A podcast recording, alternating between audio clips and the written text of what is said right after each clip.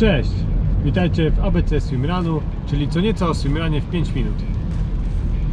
Dzisiaj co nieco na temat holu. Czym jest hol, do czego służy, jak go wykorzystujemy.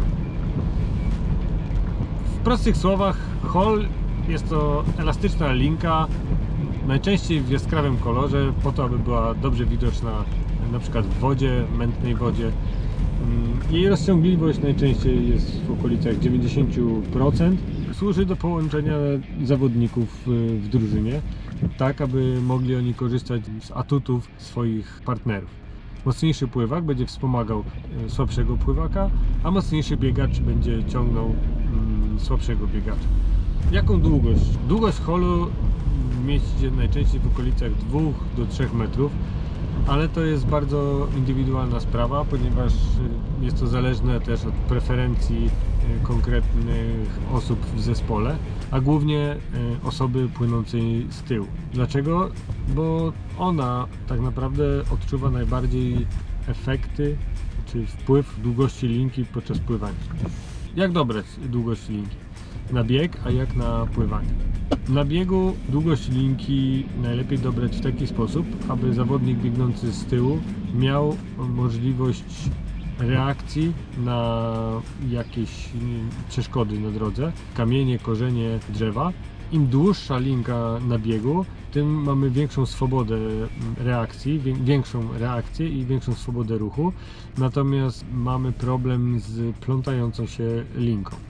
Natomiast gdy linka jest za krótka, no to wtedy mamy problem taki, że mm, nie możemy zbyt szybko zareagować e, przy niebezpieczeństwie, m, przy przeszkodzie, e, ale plusem jest to, że mamy bardzo dobre czucie e, partnera. Na pływaniu długości linki dobieramy tak, aby osoba z tyłu miała komfort y, pływania. Jeżeli mamy krótszą linkę, to trzeba pamiętać o tym, że zawodnik z tyłu będzie musiał płynąć y, z bardziej szeroko rozstawionymi dłońmi, ale dzięki temu y, cały zespół będzie stawiał mniejszy opór w wodzie, ponieważ osoba płynąca z tyłu będzie bardzo mocno korzystała z tak zwanego draftu.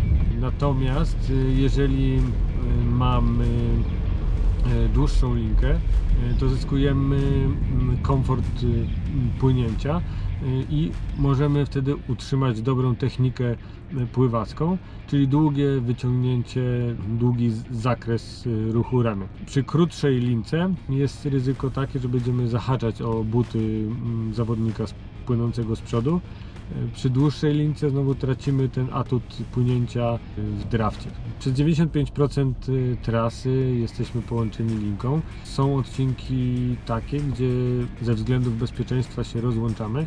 Są to najczęściej jakieś ostre, bardzo ostre, kamieniste bądź bardzo śliskie zbiegi. Na etapach pływackich zawsze jesteśmy połączeni, a może by tak bez linki. Jak najbardziej. Takie rozwiązanie sprawdzi się w przypadku zespołu, gdzie obie osoby są na bardzo równym poziomie i pływackim, i biegowym. Jeżeli jedna e, z osób jest mocniejsza w jakiejś dyscyplinie sportu, to zdecydowanie polecam użycie linki, chociażby tylko i wyłącznie dla tego, tej jednej dyscypliny sportu.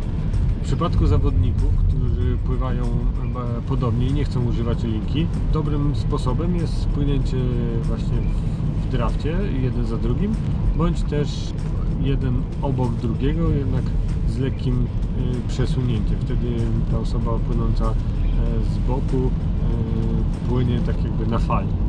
Można zrobić taki trik i mieć do dyspozycji dwie długości holu. Na lince wtedy w odpowiednim miejscu robimy pętelkę. Jeżeli na bieg chcemy mieć dłuższy hol, wykorzystujemy pełen zakres y, linki. Natomiast y, na pływanie, jeżeli chcemy mieć krótszy zasięg, wtedy podpinamy się do tej pętelki i korzystamy z, zalet krótszego holu. Dzięki lince staniecie się jednym organizmem, jednym teamem. To tyle na dziś. Do zobaczenia w następnym odcinku. Na razie.